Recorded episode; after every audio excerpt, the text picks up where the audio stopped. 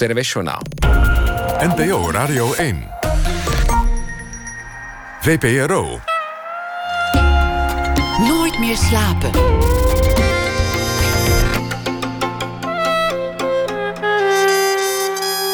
Met Pieter van der Wielen. Goedenacht en welkom bij Nooit meer slapen. Ineens zaten de conservatoren van musea zich te verontschuldigen op de radio. omdat ze een schilderij van een naakte vrouw hadden opgehangen.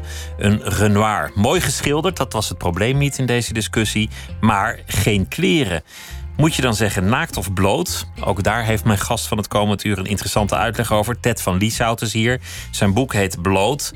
Eerst even over Ted van Lieshout zelf. Hij is geboren in 1955. Kinderboekenschrijver, tekenaar, dichter, schrijver van romans voor volwassenen. Schreef twee boeken over de omgang die hij als kind had met een volwassen man. Mijn meneer en Schuldig kind. Boeken waarin hij durft voorbij te gaan aan de clichés en de eenduidigheid over pedofilie.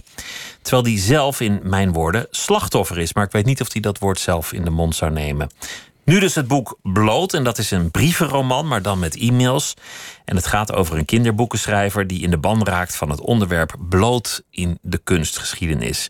En het onderscheid tussen bloot en naakt, dat zal Ted zometeen zelf wel even uitleggen. En het eh, boek zit vol dubbele bodems, verrassingen en onverwachte wendingen. Maar die moeten we niet allemaal verklappen. Ted van Lieshout, hartelijk welkom. Leuk dat je er bent. Dankjewel. Goedenavond.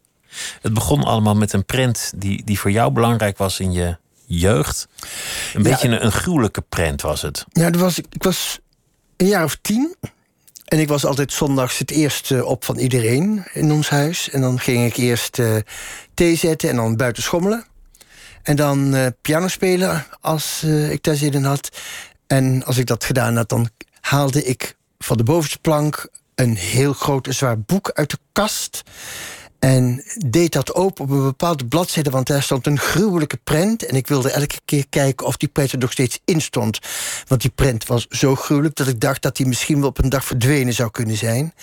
En op die prent, die gravure, stond een galgenveld in Amsterdam Noord.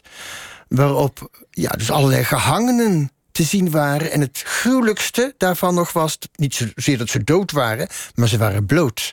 En ik dacht, kan er iets ergers zijn. Hè? Dat je doodgemaakt wordt, maar dat je nog eerst uit moet kleden ook.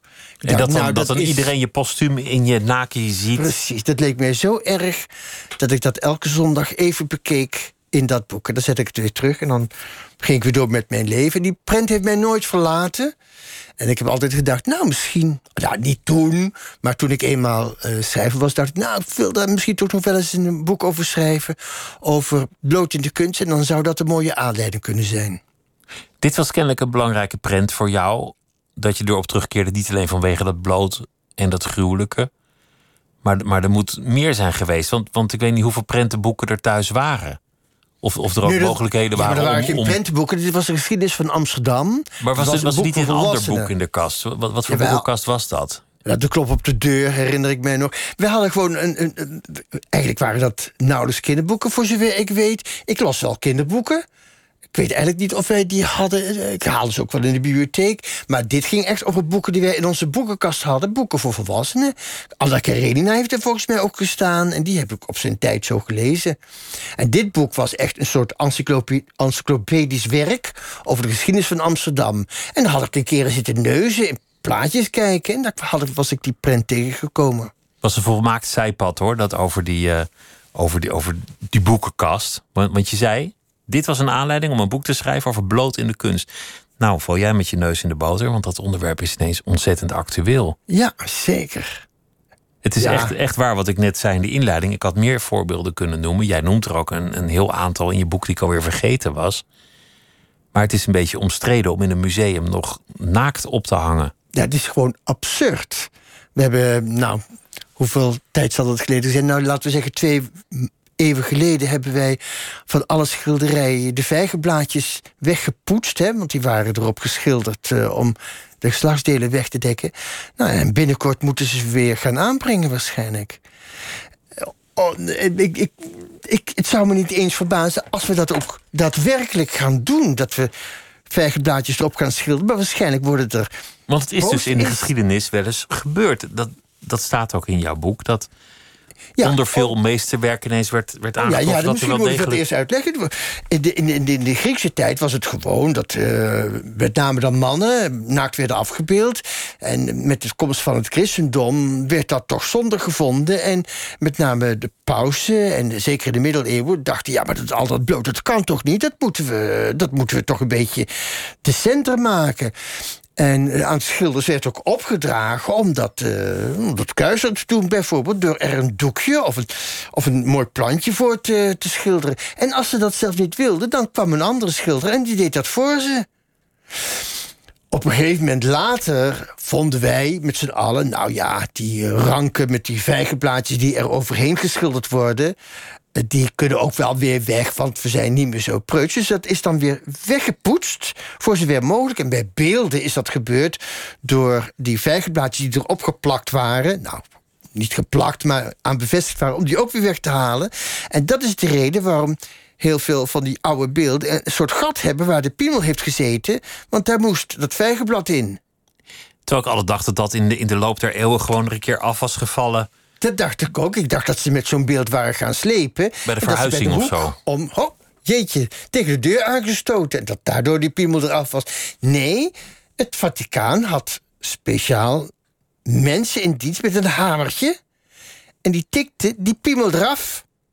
En dat deed ze een beetje grondig, want dat vijgenblad... dat moest dan met een pen in dat gat waar die piemel gezeten had worden geschoven... zodat dat vijgenblad daar goed kon zitten. En bij beelden waar dat niet kon... werd er een vijgenblad overheen gedrapeerd... en dat werd dan op een andere manier bevestigd. En bij schilderijen werden dus met verf vijgenblaadjes overheen geschilderd... zodat er ineens uit het niets ranke eh, bladeren voor het geslachtsdeel eh, groeiden. En later zijn die weer weggehaald. Maar over een poosje moeten die dus weer terug... omdat het alternatief is...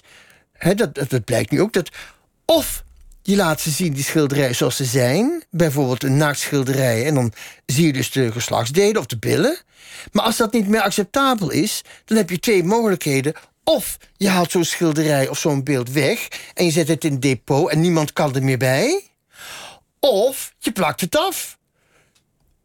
Met een post-it bijvoorbeeld, of met een plakkertje, of met andere woorden, met een vijgenblad. Of een gordijn, zoals Courbet l'origine du monde oorspronkelijk had. Dat, Ja. dat, dat, de, de vagina die hij ooit zo mooi schilderde, daar hing vroeger een gordijntje voor. Ik weet niet of mensen daar een voorstelling van hebben, maar het is een schilderij waarbij je bij wijze van spreken recht tegen de vagina van een vrouw kijkt, met eigenlijk geen lichaam eromheen.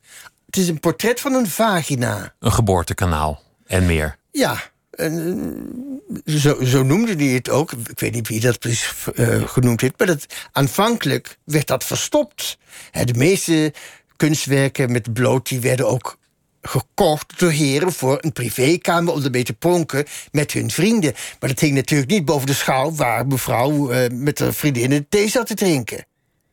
Dat zat dan verborgen in de kamer van meneer. En als ze sigaren ging roken of iets dergelijks, dan gingen ze in die studiekamer, in die studeerkamer kijken naar de pikante verzameling die zo'n meneer had. En dat kon dan bij wijze van spreken de kut van Courbet zijn. Want zo noemen we dat schilderij toch maar. De kut van Courbet. Het is eigenlijk wonderlijk dat je een, een, een bekende schilder inhuurt om een pornografisch plaatje voor je te maken. Nou ja, vroeger waren er geen alternatieven.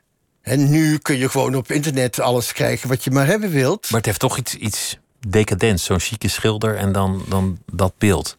Ja, maar eh, je had vroeger natuurlijk ook porno. En er werden ook pornoplaatjes gemaakt. Maar die, die, eh, die komen natuurlijk niet aan de oppervlakte. Die worden niet open en bloot verhandeld. Dat gaat allemaal via via. Ik ben er ook achter gekomen in, in dit boek waarom die, die penissen van die oude beelden vaak zo klein zijn. Dat, dat, dat, dat is ook een leuke anekdote. Die moet je, moet je even vertellen als je wil. Ehm, nou, eh, eh, daar is eigenlijk geen ehm, definitief antwoord op. Er zijn alleen vermoedens waarom dat is. Je, bedoel je nou wat ik, wat ik er zelf van vind? Zeg maar, wat, wat, wat, eh, nou, de- er, er komt een aardige theorie voor in het, in het boek. Jij bedoelt dat hij net geboren, dat hij geschapen is en daarom. Ja, ik, ik, ik Dat het niet chic is om, om, om daar een, een te groot geslacht. Oh ja, nee, oh ja oké. goed. dat dat Nee, niet intellectueel zou zijn. Oh ja, ja. nee, dat, dat is wel waar. Ehm, maar dat is natuurlijk een- een drogreden. Hè, men vond vroeger dat grote geslachtsorganen... ja, dat duidde toch op domheid. Hè? Als je groot geschapen was, dan was je eigenlijk een domme man. Dus het toppunt van intelligentie was een klein, klein eh, piemeltje. Hè, je, moest, de bedoeling daarachter was ook... intelligente mensen die denken natuurlijk niet aan seks... dus die krijgen ook geen erectie. En een groot lid werd natuurlijk toch in zekere zin... in verband gebracht met een erectie. En slimme, intelligente mensen denken natuurlijk niet... terwijl ze met een filosofieboek bezig zijn... of iets intelligents of een die denken niet aan seks of iets dergelijks. Dus hun piemel blijft klein en bescheiden. En hoe kleiner, hoe intelligenter dat overkwam. Nou, vind ik, vind ik een hele leuke theorie. Maar dat is natuurlijk bedacht door iemand die klein geschapen was... en dacht, ja, verdorie. Hè, Ik heb een verhaal nodig. die, dat denk ik. Maar nu doe ik je boek een beetje- Wel, hebben waarschijnlijk wel een praktische reden. Maar dan doe ik je boek tekort als we het zo doen. Want dit gaat over een kinderboekenschrijver die gefascineerd raakt door de kunstgeschiedenis en dan vooral het onderwerp bloot. Het boek is meer. Het wordt een correspondentie tussen een archivaris en een schrijver over dat onderwerp. En gaandeweg proberen ze elkaar te leren kennen. Ja, Dat gaat een beetje één kant op. En die archivaris, nou ja, die, die blijkt allemaal andere identiteiten te hebben, andere verhalen dan je op het eerste gezicht zou vermoeden. Ik vind niet dat we dat nu helemaal moeten behandelen, want dat is zonde van het boek. Maar ik, ik vond het een geweldig boek. Ik viel van de ene verbazing in de ander. Wat voelde me ook regelmatig op het verkeerde been gezet. Kon het boek daardoor ook moeilijk wegleggen. Omdat ik dacht, wat, wat, wat flikt die van Lieshout me nou weer? En dat zijn de goede boeken als de schrijver je wat, wat flikt. Maar hoe begon het? Begon het echt met een oprechte interesse van jou in, in dat onderwerp? Wilde je echt een jawel. kinderboek daarover maken? Ja, ik wilde daar zeker een kinderboek over maken. Eh, en in dit geval heb ik ook. ehm, eh, ehm, bij het Stadsarchief geïnformeerd. ehm, wat, iemand, iemand wees mij daarop. Van vraag daar eens van hoe dat zit. Misschien weten ze daar wel hoe het. ik- hoe het komt dat op die gravure, waar we het straks over hadden, die mensen bloot zijn. Want dat antwoord had ik nooit gevonden. Ik dacht, ik moet dat toch eens gaan uitzoeken. Hoe, waarom zijn die mensen bloot? Dus op die manier ben ik in contact gekomen met het Stadsarchief. En dat was ook de basis en het begin van het boek. En het, zo kom ik. Zoals het boek begint, zo is het ook allemaal gegaan. Ja, En hoe het verder gaat, dat, dat moet de lezer die het ooit in zijn handen krijgt maar uitvinden. Maar het wordt een echte brievenroman. En dat is een mooi genre. Ja, het geeft mij de gelegenheid om ehm, de dialoogvorm te bezigen, zo zou je het kunnen zeggen. Ik hou niet zo erg van beschrijvingen, van het, eh, van het vertellen hoe de natuur eruit ziet en welke, hoe- welke gebouwen er in een stad zijn en of het mooi weer is of niet. Ik hou van to the point zijn, dus ik wil graag zoveel mogelijk ehm, in dialoogvorm, dat is de meest directe vorm die je kunt bedenken haast. En dat in bijna al jouw werk aan de hand. In, in, Ja. jouw, in jouw gedichten, in jouw kinderboeken, in je volwassenen lectuur. Het gaat eigenlijk altijd aan de hand van zoveel mogelijk dialoog. Ja, ik, daar voel ik me prettig bij. Het liefst zelfs één op één, dat je de een wat zegt en de ander zegt wat terug. En op die manier als een echte dialoog. In dit geval is het een e-mailwisseling. En dat heeft als voordeel boven een briefwisseling... dat je kunt 36 e-mails op één dag schrijven. Terwijl als je een brief schrijft, dan gaat hij over de post... en dan moet je weer dagen wachten en dan komt het antwoord pas... en dan kun je daar weer pas over een tijdje of na een tijdje op reageren. En dat is me te langzaam. Dus zo'n e-mailwisseling, dat kan lekker snel. Kan je er vaart achter zetten. Precies. En je kunt mensen onbetrouwbaar maken, want iemand vertelt niet alles of spreekt misschien niet altijd de waarheid. Dus dat, dat geeft het ook weer wat spanning mee. Zeker. Je, je zei dat het onderwerp je frappeerde. Hier gaat het over een kinderboekenschrijver. Als het echt zo is dat onze tijd zo preuts aan het worden is, en ik, ik vermoed dat dat wel zo is, dan lijkt me dat toch een van de moeilijkste dingen om voor kinderen over te schrijven. Naaktheid. Eh, ja, dat is ook eh, heel lastig. Toen ik op dat idee kwam, dat is denk ik twintig jaar geleden... dat ik dat eh, eigenlijk het plan kreeg om dat te doen. Ehm, ik heb toen ook een boek gemaakt over de kunstgeschiedenis... en daarin ging ik redelijk ver in het laten zien van bloot. En ik kwam er eigenlijk een paar jaar geleden achter dat ik dat nu niet meer zou doen. Dat ik zelf niet zozeer preutser ben geworden, maar dat de maatschappij om mij heen dat wel is geworden. En dat het veel lastiger is geworden om kinderen te confronteren met bloot in de kunst. dus niet zozeer bloot aan, aan zich, want dat, dat kan al helemaal niet meer. Maar bloot in de kunst, dacht ik, nou dat, dat kan toch wel. Je moet toch met een kind, kun je... Moet je naar een museum moet kunnen. je naar een museum kunnen gaan, dan moet je toch alles kunnen laten zien. En dan zie je de Dat borst van kan- Maria of zo. Ja. Dat kan ook wel. Ik geloof ook dat kinderen daar niet van worden weggehouden. Maar ehm, ik heb geen zicht op kinderen die niet in het museum komen. Op ouders die hun kinderen niet meenemen naar het museum. En waarom ze dat dan niet doen. En ik kan mij toch voorstellen dat er ook ouders zijn die zeggen: Nou, nee, wij gaan er niet naartoe. Want het is voor mij dan makkelijker om dat bloot uit de weg te gaan. Dat, is, dat zou één reden kunnen zijn. Een andere reden kan natuurlijk ook goed zijn dat die ouders zelf ook helemaal niet geïnteresseerd zijn in kunst en daarom niet naar een museum gaan. Eh, maar dat weet ik niet. Ik denk ook niet dat daar onderzoek naar is. In ieder geval weet ik wel dat als je in een museum komt, je daar een bepaald slag mensen ziet.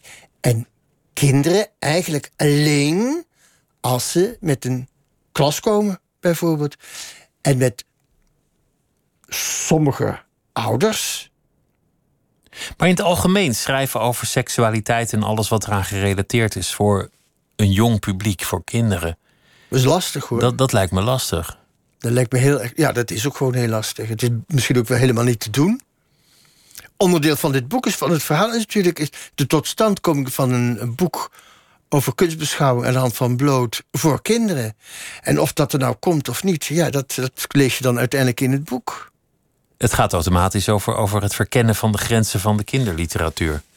Ehm, nou ja, ook wel over het dilemma dat veel kinderboekenschrijvers wel hebben. Over wat kun je nog wel schrijven en wat kun je niet schrijven.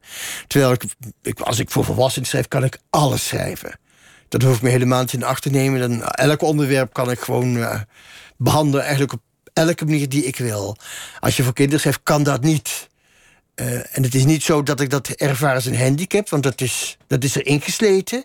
Ik weet eigenlijk van mezelf wel wat ik wel en wat ik niet kan schrijven. Maar de tijden veranderen wel. En eh, zoals bijvoorbeeld het schrijven over bloot, waarvan ik, laten we zeggen, twintig jaar geleden dacht dat kan wel.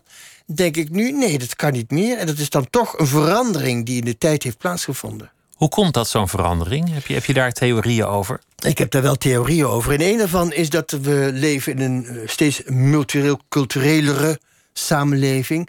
Waarin mensen van verschillende culturen en verschillende ehm, eh, achtergronden eh, samen moeten leven in één maatschappij.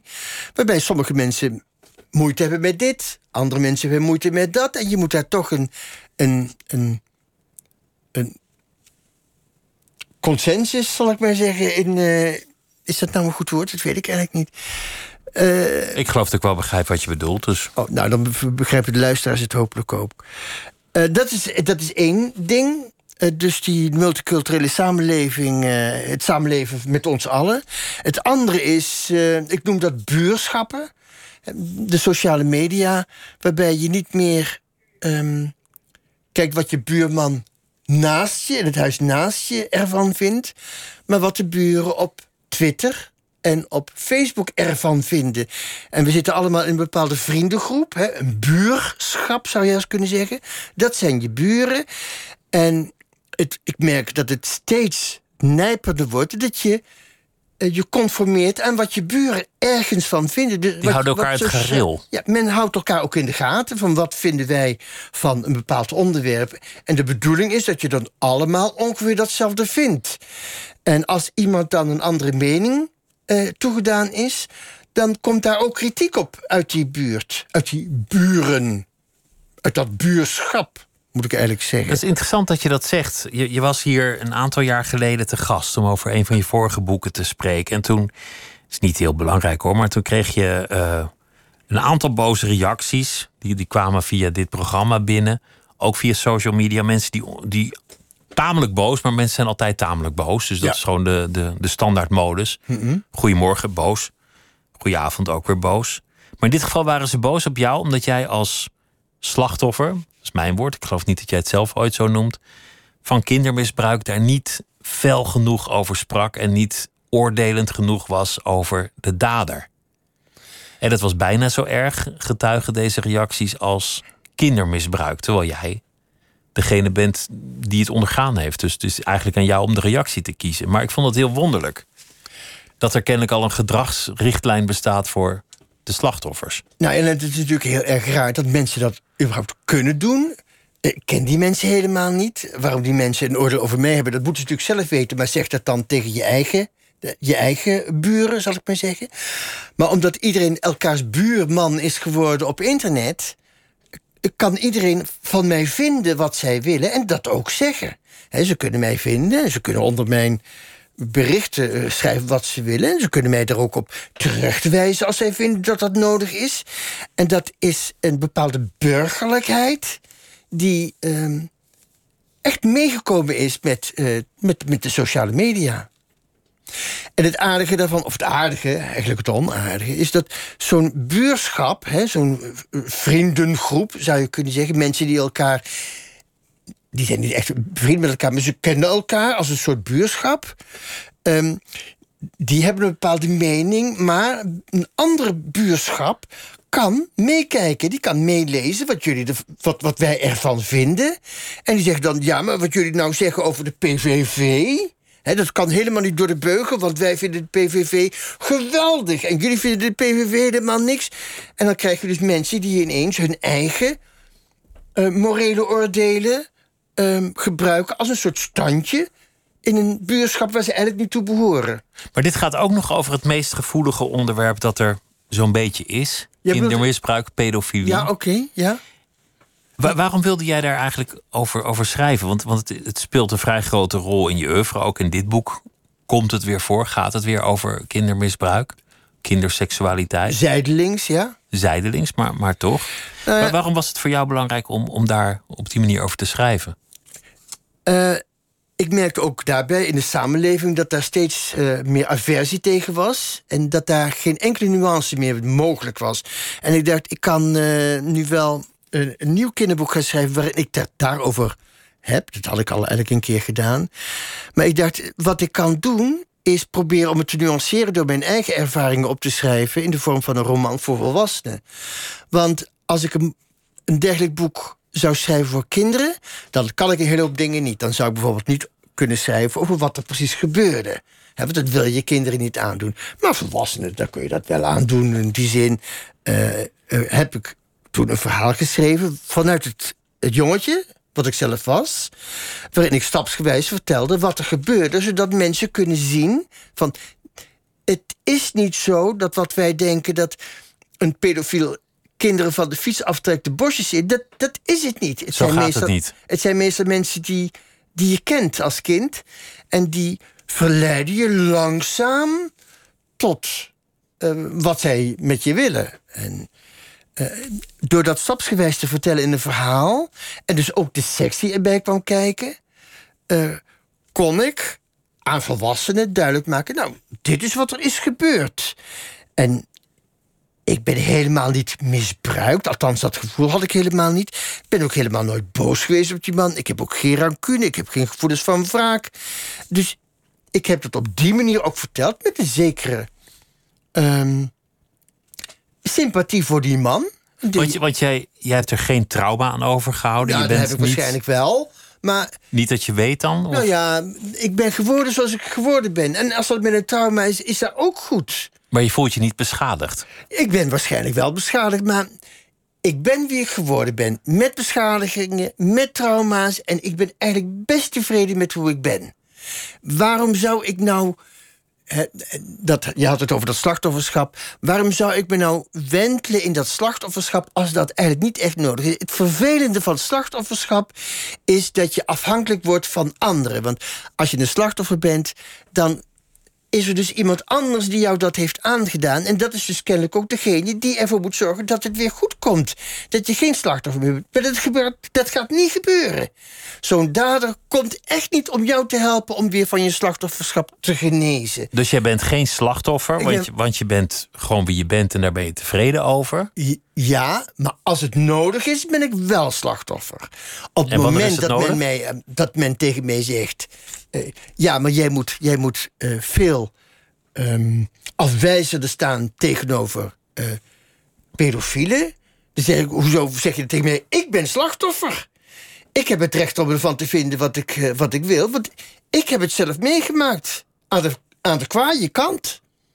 Ik ben het slachtoffer van een pedofiel. Of in dit geval van een pedoseksueel. Maar je, jij bent waarschijnlijk even goed met mij eens en, en, en met de meeste mensen dat wat, wat jouw meneer heeft gedaan absoluut niet door de beugel kon. Nee, natuurlijk kan dat niet door de Seks beugel. met een kind kan gewoon niet. Nee. Om, omdat het Nee. kind niet beoordelingsvaardig is. Nou ja, nee, het kan gewoon niet. Maar het gebeurt nou eenmaal wel. En dan kan je het ook maar beter proberen om er zo'n leuk mogelijk leven van te maken. En dat kan ook. En het vervelende van slachtofferschap is dat je de regie uit handen geeft over je eigen leven. En dat is het laatste wat je moet doen. Dus ik wil. Ik, ik zeg wel dat ik geen slachtoffer ben, behalve als het mij uitkomt. Behalve als het mij helpt om mij te redden in een bepaalde situatie. Als men mij aanvalt omdat ze vinden dat ik niet eh, rabiaat genoeg ben over, over pedo's, eh, dan zeg ik: ja, maar wacht eens eventjes. Je bent nu wel een slachtoffer aan het uitschelden. Het, het merkwaardige is, en, en ook het interessante. Ja, ja, het is heel, heel duidelijk. Het, het interessante is dat, dat jij ook goede herinneringen hebt aan de vriendschap met die man. Dat hij een soort functie heeft vervuld in jouw opgroeien, in jouw jeugd. Misschien een surrogaat vader of een surrogaat opvoeder. Ik weet eigenlijk niet hoe ik dat moet zien. Maar dat je die goede herinneringen ook altijd hebt bewaard. Ja, ik vind wel dat het niet had moeten gebeuren. Maar als je nou tegen mij zegt: wil je nou een leven waarin dat niet gebeurd is, dan moet ik toch zeggen: nee, doe dan toch maar het leven wat ik heb. Want Want dat leven is niet voorstelbaar zonder die vriendschap. en Nee, zonder ik weet die ook niet hoe het zou zijn geweest zonder. Maar ik weet in ieder geval wel dat wat ik geboren, geworden ben, is toch naar mijn eigen smaak. Ik vind mijzelf best een aardige vent. Ik ben best goed terechtgekomen. En eh, dat is dan ondanks het feit dat dat gebeurd is, maar misschien ook wel voor een deel dankzij het feit dat ook ik eh, beschadigd ben in het leven, zoals eigenlijk iedereen. Ik denk ook dat alle beschadigingen die je oploopt in je leven, dat die je helpen om misschien wel een beter mens te worden. Het zou me helemaal niet verbazen dat als mensen helemaal niet beschadigd door het leven komen, hele saaie en misschien wel heel vervelende mensen zijn. Dit hoor ik ook wel eens van mensen die bijvoorbeeld een, een 100% negatieve gebeurtenis hebben gehad. Ik noem maar wat, een auto-ongeluk. En die zeggen dan tien jaar later, en toch is het goed dat het me gebeurd is. Precies. En, en zo moet ik dit Maar ook een beetje Dat is duiden. hetzelfde als mensen die eh, eh, het hebben over geluk. Je kunt alleen weten wat gelukkig zijn is als je ook ongelukkig bent geweest. Anders kun je gewoon niet weten wat geluk is. Maar er zit nog iets, want, want ik proef in al je boeken ook een soort ergernis over die media-aandacht en de manier waarop dat gaat wanneer er wordt gesproken over pedoseksualiteit en pedofilie. Je zoekt een nuance in dat Ja. debat die ik, die ik elders eigenlijk niet vind. Nou, dat wordt steeds moeilijker. Ik merk dat eh, ook in andere onderwerpen het steeds moeilijker wordt om genuanceerd te zijn bij eigenlijk nu welk onderwerp dan ook. Ik heb nu eh, net een, onderwerp in de hand gehad. Eh, misschien is het waardig om dat te vertellen. Eh, veel mensen zullen het wel gehoord hebben over bol.com. Die eh, verkoopt boeken waarin nazi-sympathieën worden gepropageerd. En heel veel mensen vinden dat bol.com dat niet moet doen. En ik vind eigenlijk, en volgens mij is dat een nuancering in die discussie, dat dat juist goed is, dat dat eigenlijk juist wel moet, omdat ehm, als je een bepaald soort boeken gaat verbieden, ehm, vindt dat die niet verkocht moeten worden, dan ben je aan het schrappen in je cultuur. Dan ben je als het ware vijgenblaadjes aan het schilderen over een deel van onze kunst en cultuur. Je en dat moet je toe. niet doen. Dat moet je niet doen. Eh, dat soort dingen ehm, zijn ook belangrijk om kennis te nemen van het verleden. Als je nooit ehm, kennis hebt genomen van wat er precies toen gebeurd is, dan kun je er ook niet van leren. En dan kun je ook niet. ja, ik, ik, ik, we hebben hier van tevoren even gepakt. Je had een geweldig mooie anekdote erover. Ik wil eigenlijk graag dat jij die dan ook maar vertelt. Nou, dat was Want mijn. Ik vond hem heel erg sterk. Mijn opa. Juist. Die, die, die was uiteraard veel ouder dan ik. Die was van 1914. Die kocht in de jaren 30 Mijn Kamp in de Nederlandse vertaling, wonderlijk vertaald als Mijn Kamp. En hij las dat boek in de jaren 30, nog lang voor er iets aan de hand was. En hij zei: Daardoor heb ik altijd geweten wat er ging gebeuren. Dat, dat Hitler uiteindelijk wereldhegemonie zou nastreven, dat hij de Joden ernstig zou vervolgen en uiteindelijk uitmoorden. En hij heeft er nooit twijfel aan gehad. Hij heeft uiteindelijk, nou ja, verzet is een groot woord, maar hij heeft in, in eh, kamp Amersfoort gezeten omdat hij niet uh, meewerkte. Hij gaf mij dat boek toen ik 18 was of zoiets van lees dit, want je moet kennis nemen van de geschiedenis. Alleen mijn moeder die wilde dat boek niet in huis hebben, dus die heeft het weggedaan. En, en dat, vond ik, dat vond ik verschrikkelijk dat ze dat had weggedaan. Omdat precies wat jij nu zei, het is toch een soort toedekken. Ja. Ik snap ook dat je het niet in je huis wil hebben hoor. Het staat ook niet lekker op die boekenplank. We begonnen over de boekenplank van jouw ouders. Ja. Nou ja, maar wat jouw opa zegt is. Eh, doordat hij dat boek las, was hij op de hoogte. en kennis doe je op door te lezen. Door, ook door boeken te lezen waarin andere meningen worden verkondigd dan, degene, dan de meningen die jou welgevallig zijn. En is dat ook wat je bedoelt met pedoseksualiteit? Door het, door het zo heftig taboe te maken, ja, sluit je je ogen voor hoe het eraan toe gaat, voor, voor de werkelijkheid die erachter zit, en maak je er een soort ja, kwaadaardig sprookje van. Je dwingt het ondergronds en alles wat ondergronds uh, moet, dat is niet goed. Dat, dat gedijt niet goed. Dat, uh, dat broeit en dat wordt een soort veenbrand. Dat moet je niet doen. Je kunt beter al die dingen aan de openbaarheid uh, prijsgeven. Nou, prijsgeven, prijsgeven zegt het woord, zegt het zelf al. kennis en informatie die er is, moet je ter beschikking blijven stellen. Ook informatie die jou niet welgevallig is. Want je, je kunt ervan leren. En je kunt dan altijd zelf zeggen: ja, maar in mijn uh, morele oordeel is dit boek uh, niet acceptabel. Nou, dat is prima. Lees het dan niet. Neem het dan niet tot je. Maar verbied het niet anderen. Heb je ooit nog contact gehad met, met, met jouw meneer als volwassen man?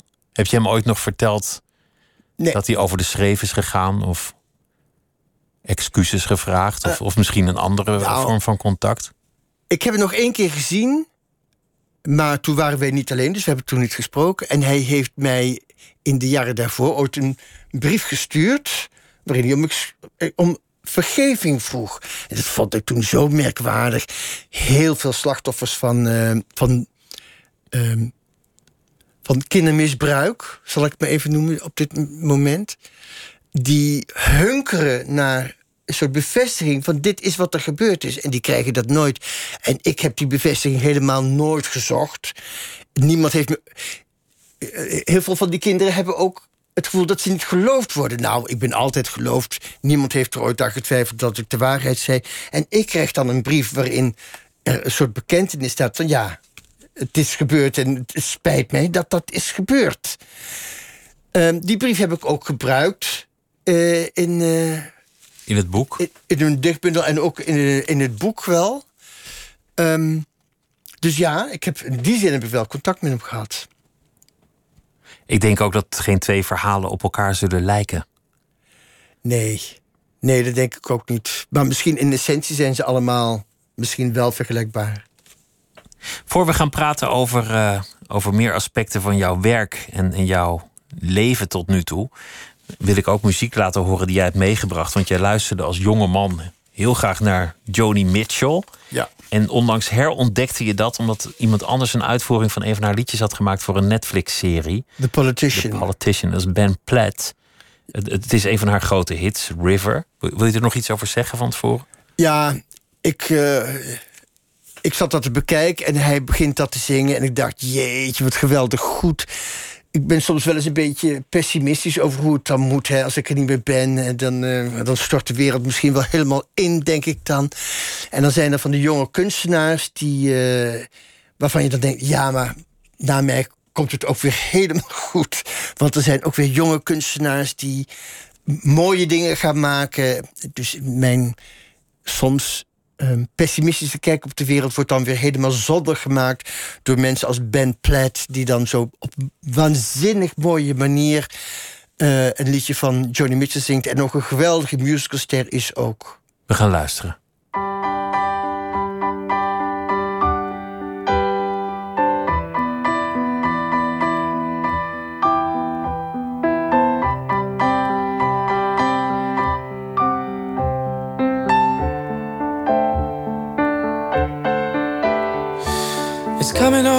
Christmas, they're cutting down trees, putting up reindeer, singing songs of joy and peace. So I wish I had a river I could skate away on.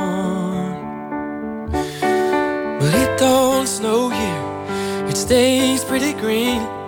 Gonna make a lot of money that I'm gonna quit this crazy scene. Oh, I wish I had a river I could skate away on. Oh, I wish I had a river so long I would teach my feet to fly.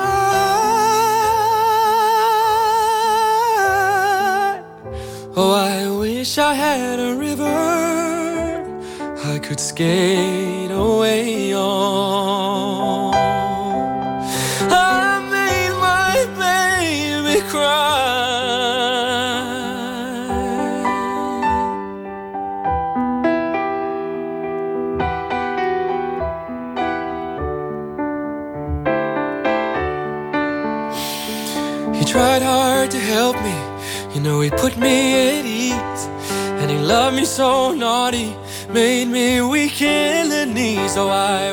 I had a river I could skate away on. I'm so hard to handle. I'm selfish and I'm sad. Now I gone and lost the best baby that I ever had. Oh, I wish I had a river I could skate away on. Oh, I wish I had so long. I would teach my feet to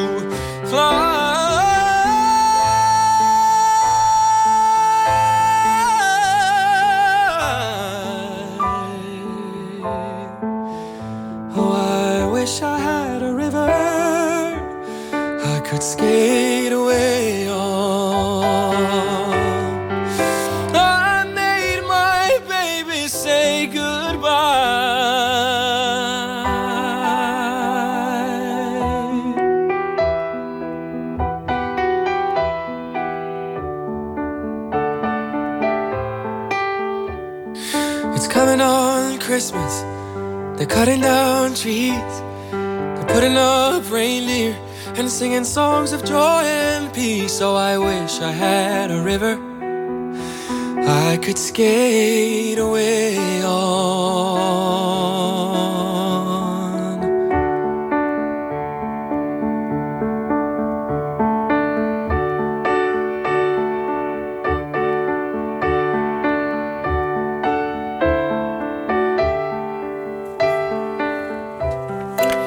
Ben Platt met zijn eh, uitvoering van het liedje van Joni Mitchell, River. En dat maakte hij voor een Netflix-serie, The Politician. En dat kwam op het pad van mijn eh, gast Ted van Lieshout, die tegenover mij zit vanwege een boek Bloot.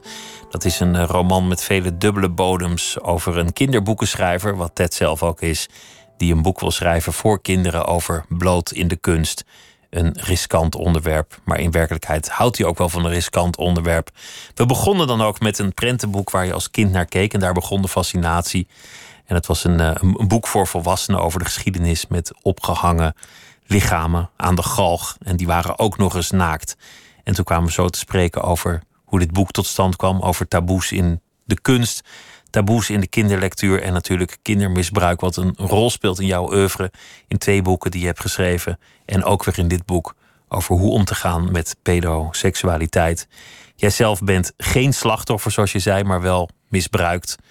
En die vriendschap of die band met jouw meneer, zoals je hem altijd hebt genoemd, die uh, blijft terugkomen in veel van je werk. Omdat het veel genuanceerder is dan het beeld dat meestal wordt geschetst van een pedofiel die iemand van een fiets trekt en dan in de bosjes uh, onderwerpt. Dit zat anders. Het is voor jou niet een trauma. Je bent wel beschadigd, maar je bent blij met wie je bent. Dus inclusief de beschadigingen, zei je. En toen bleek ook dat er, dat er wel wat strijd zit tegen de bekrompenheid zoals die is in uh, onze samenleving en die toeneemt, zoals je zei. Maar we begonnen met de boekenkast van je ouders. En je zei zondagochtend, dan sliep iedereen nog in huis.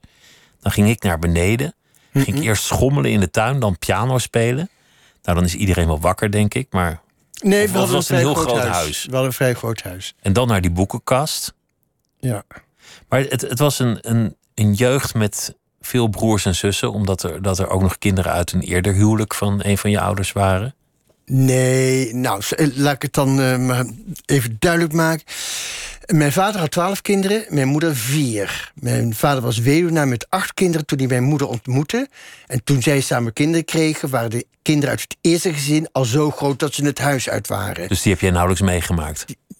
Ja, die heb ik wel meegemaakt, maar ze woonden niet thuis.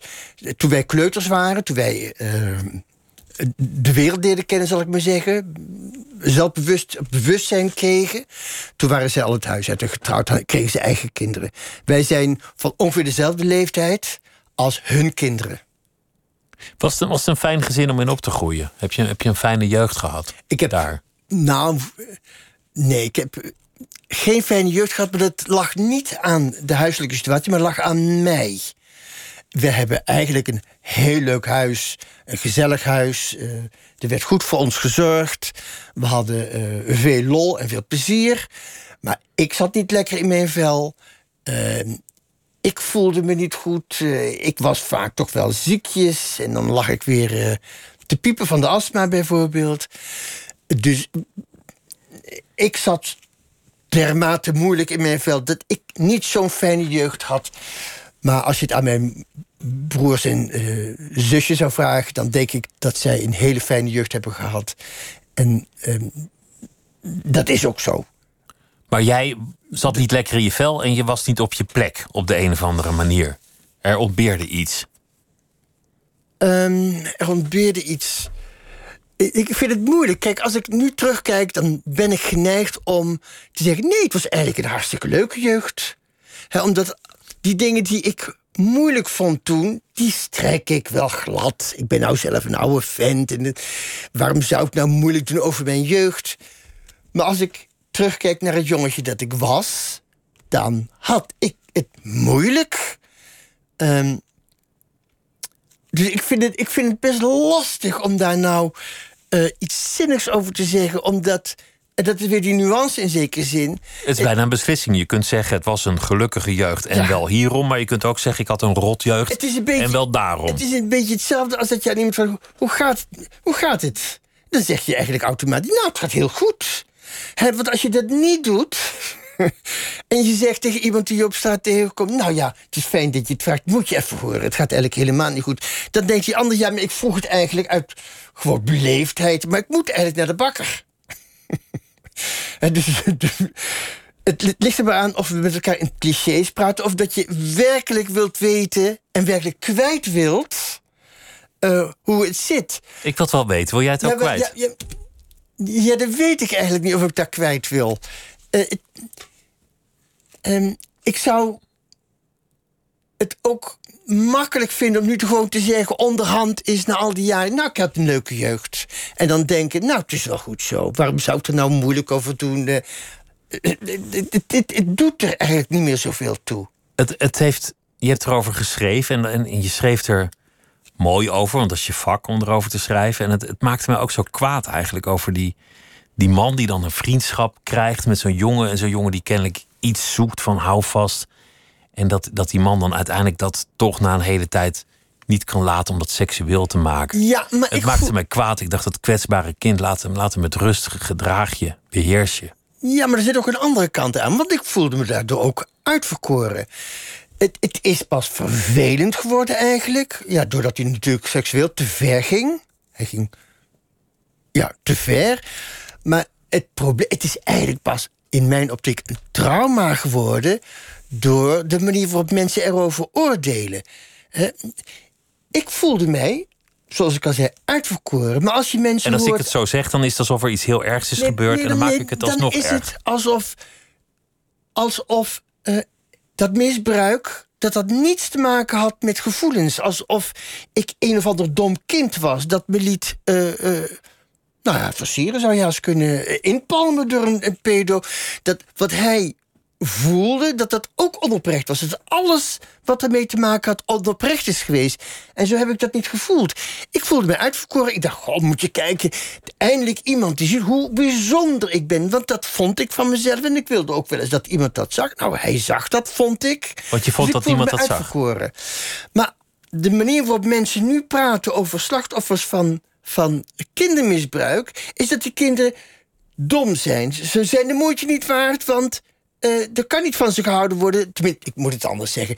Die man die ze misbruikt heeft, die kan niet van ze gehouden hebben, want het was een pedo. Terwijl dat kind heeft dat ervaren als liefde. Waarom laat je dat nou niet gewoon zoals dat is? Maar kinderen zijn toch per definitie dom?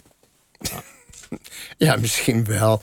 Maar ik, ik vond eigenlijk het traumatische de manier waarop uh, volwassenen omgaan met daders en met slachtoffers. Alsof dat een soort, nou, bijna als een soort patiënten zijn die, die, gevoelens hebben die niet oprecht zijn. die gevoelens, ja, maar dat is niet echt, hij heeft niet echt van je gehouden. Nee, misschien niet, maar ik had het gevoel van wel. Ik laat mij dat gevoel behouden. laten we weggaan bij het, uh, bij, bij het misbruik, want anders is het net alsof, alsof jouw hele leven alleen maar dat was en je hebt, je hebt zoveel gedaan. Maar, maar ik vroeg hier ook naar, om, omdat je, dat je zoveel hebt gedaan: tekenen, dichten, boeken voor kinderen, boeken voor volwassenen.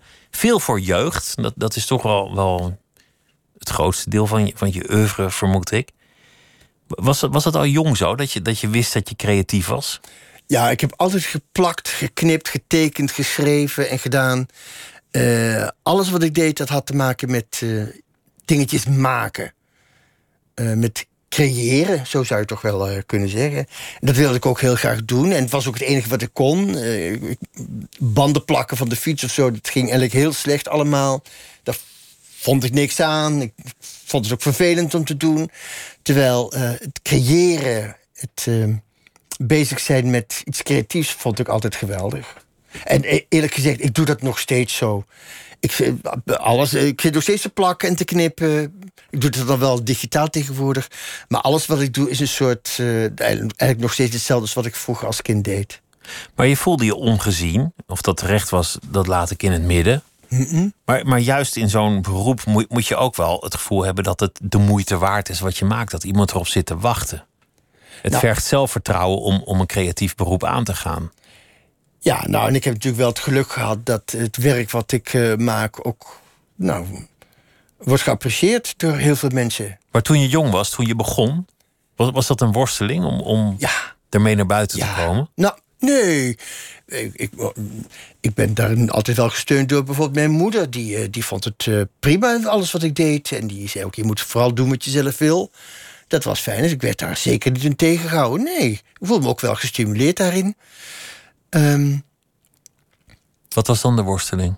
Want je zei bij het woord worsteling nou zei ja, je ja. Dat ik niet gezien werd. Ik, ik vond mezelf heel een bijzonder kind. Ik snapte niet waarom andere mensen dat niet zagen. Dat vind ik wel een mooi beeld eigenlijk. Wat? Een kind dat zichzelf bijzonder vindt en, en wacht tot de rest van de wereld het ook eens door heeft. Dat heeft onder andere te maken met dat ik uh, homo ben. En dat wist ik eigenlijk ook wel. Ik wist misschien het woord niet, maar ik wist natuurlijk wel dat ik heel anders was dan andere kinderen. Maar ik, ik ervoer dat zelf als iets heel bijzonders, als dat ik ja, een bijzonder kind was. Ehm, ja, en ik had het gevoel, ja, maar waarom zien mensen dat nou niet? He, waarom, waarom pesten ze mij op school? Uh, ik, ik kan me nog herinneren dat ik. Uh, wij wilden. Um, graag leren breien. En mijn moeder heeft dat toen uitgelegd hoe je dat moest doen.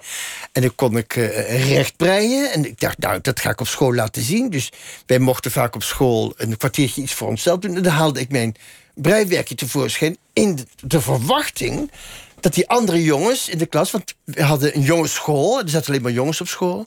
Dus die andere jongens zouden zeggen: Nou, zeg dat jij kunt breien, wat goed zeg. Maar dat deze helemaal niet. Ze lachten me uit, dus ze pesten me dat ik aan het breien was. Het wit op je neus. Ja, ja. Dat viel me dan ontzettend tegen. nu snap ik het wel. En uh, ik, ik heb ook uh, wel uh, dagboeken bijgehouden in mijn puberjaren. En daarin staat dan dat ik niet snap waarom ze mij pesten. Nou ja, ik, ik, was gewoon een vervelend joch eigenlijk. Een irritant joch dat zichzelf heel bijzonder vond. Dus achteraf snap ik wel waarom ze mij pesten. Maar goed, netjes was het van, niet natuurlijk van ze dat ze mij pesten. In dit boek zit, zit ook veel over, over religie, wat, wat in jouw jeugd waarschijnlijk voorkwam. En, en dat je je dan ook nog steeds kwaad kunt maken over bijbelverhalen... of helemaal kunt opwinden over al die verhalen die je in je jeugd tot je hebt gekregen? Nou, nee, ik ben niet echt uh, religieus opgevoed. Mijn vader was wel religieus, maar die stierf toen ik zeven jaar oud was.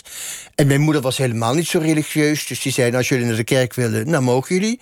Als jullie niet willen, dan hoeft het niet. Waar deed je die verhalen dan op? Ja, op school wel. En ik, eh, ik, ik ben altijd wel geïnteresseerd gebleven in het, uh, het feit dat religie zo'n enorm belangrijke rol in ons leven speelt. Ook als we niet gelovig zijn. En um, waar ik, eh, zeker in de tijd van de emancipatie, de vrouwenemancipatie, dat was een periode die toch, toch echt wel heel uh, bewust heb meegemaakt, vond ik het toch wel merkwaardig, al die Bijbelverhalen waarin vrouwen werden afgeschilderd eigenlijk als ja, het kwaad van alles. Mannen waren allemaal goed. En de reden waarom mannen wel eens de, de, de, bocht uitvlogen... was omdat een of andere vrouw iets verkeerds had gedaan. Dat vond ik fascinerend en ik vond het stom en raar. Dat is een van die verhalen die je ook aanhaalt over, over iemand die dan door zijn dochters wordt verleid. Ja, dat is het verhaal van Lot. Het is eigenlijk een absurd verhaal van uh, Lot, die in, uh, in de stad uh, was in Sodom woont. En daar willen de mannen met gasten van hem naar bed. Dat zijn engelen. En hij zegt dan: Nou, nee, met mijn gasten kun je niet naar bed. Als, als jullie met iemand naar bed mogen jullie mijn dochters wel hebben. Dat is natuurlijk bespotting dat je als vader zegt... nou, pak mijn dochters maar, hè. Maar goed, uh, dat mogen ze dan. Maar die, uh, mannen van de stad die willen toch die vreemdelingen hebben om mee naar bed te gaan. En dan zeggen die Engelsen: Nou, God is daarover zo boos dat hij de stad gaat verwoesten. We gaan de stad uit. Lot en zijn dochters die vluchten de stad uit met de moeder van die dochters. Maar die worden natuurlijk ook gestraft voor iets uh, wat ze. Nou, voor, voor eigenlijk haast niks. In ieder geval, die dochters denken dan. Nou, wij zijn nu met de enige man hier, onze vader hier. En we krijgen vast nooit kinderen. Laten we onze vader verleiden met wat uh, alcohol. En dan worden we zwanger van hem. En dan hebben we in ieder geval kinderen. Nou, dat vind ik dus een absurd verhaal. Uh, nu zou gewoon. Nu zou je zeggen, ja, die man die wordt natuurlijk toch gestraft. Want die kan wel zeggen, ja, ik heb gedronken... dus ik, ik heb niet, niet in de gaten gehad dat ik mijn dochters geneukt heb. Want daar komt het op neer. En die zou de gevangenis in gaan. Maar in de Bijbel is dat niet. Hij wordt als het ware daarvoor beloond. Hij komt er in ieder geval mee weg. Ja, nou, dat vind ik een absurd verhaal. Het kan nooit verzonnen zijn door, door vrouwen.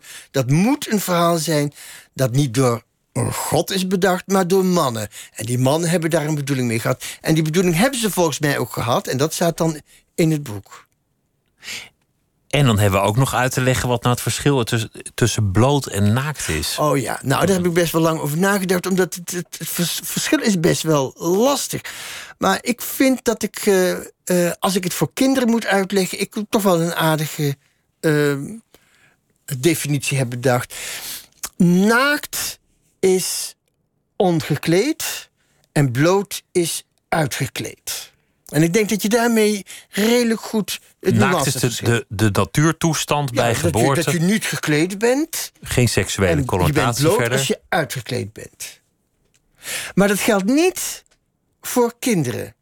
Want van kinderen zeg je niet dat het naakte kinderen zijn, dan zeg je blote kindjes, blote kinderen. En dan bedoel je wel degelijk dat ze geen kleren aan hebben of dat ze uitgekleed zijn. Dan heeft dat in ieder geval voor de meeste mensen geen seksuele bijbedoeling. En bij volwassenen heeft die, die seksuele bijbedoeling, of die erotische bijbedoeling, meestal wel. En dan is bloot ehm, uitgekleed, naar mijn idee, en naakt ongekleed. Zoals je ook een naakt in de kunst hebt. En dan wordt er een naakt geschilderd. Dat is een naakt, dat is iemand die niet gekleed is. En je zegt niet, dat is een blote mevrouw. Want dan wordt het toch weer Dan hou je dat erotisch. sacrale er toch weer het een beetje Als het een blote mevrouw is, dan, heeft dat, ja, dan is het toch een, een erotisch bedoeld schilderij. Samenvattend, je, je zei ik ben blij met wie ik ben geworden, inclusief de beschadigingen. Je- Je kunt ook zeggen, het is je gelukt om exact dat te doen wat je het allerliefste doet, namelijk gewoon werken. Dit werk, schrijven, verhalen vertellen, tekenen, dichten. En je wordt eindelijk gezien. Ja, ik voel me ook heel erg. Je kan ervan leven, je, je krijgt en, eh, prijzen, je krijgt erkenning. Dus Ja, ik, ik, ik heb ook wel erg geboft uiteindelijk, vind ik zelf. Ik voel me ook in deze periode van mijn leven behoorlijk gelukkig. En dat weet ik omdat ik ook, ook gelukkig ben geweest. En wat wordt het volgende boek? Eh ja, wel, ik, heb wel, ik ben nu bezig weer met een kunstbeschouwingsboek, maar nu voor wel voor kinderen. En ik wil toch weer een nieuwe, eh, nieuw boek voor volwassenen gaan schrijven... waarin ik eh, eh, toch wel weer geëngageerd wil zijn. En toch wel wil kijken naar dingen die in de maatschappij gebeuren... waarvan ik denk, "Hmm, laten we daar nou toch eens wat vraagtekens bij zetten. Zoals ik ook in dit boek heb gedaan. Maar dan andere thema's dan de, de seksualiteit. Ja, maar het, het, het, het gaat gewoon door. Het is toch een bepaalde lijn die doorgaat van het vorige. Ga ik, glijd ik door in het volgende. Dus er zullen ongetwijfeld aspecten die ik nu al behandeld heb... toch weer voorkomen in het nieuwe boek. Maar goed, dat, boek, dat boek dat duurt nog jaren, hoor. Eerst even vieren dat je deze hebt. Dank je wel dat je langs wilde komen, Ted van Lieshout. Graag gedaan. En het eh, nieuwe boek, verschenen bij Querido, dat heet Bloot. Dank je wel. En zometeen dan eh, kunt u luisteren naar eh, Misha Blok met het programma Miss Podcast. En daarin eh, gaat ze in gesprek met Patrick Kikken. Die laat ook horen wat zijn favoriete podcasts en audio allemaal zijn. En Lisbeth Staats zit hier morgen en die gaat met de muzikant en zanger Alain Clark in gesprek. En ik wens u nog een hele goede nacht.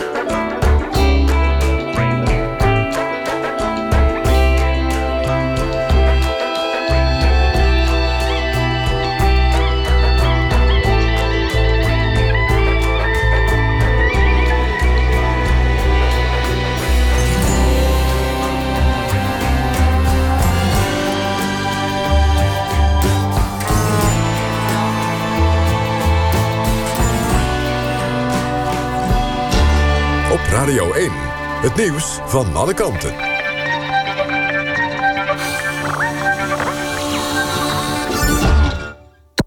NPO Radio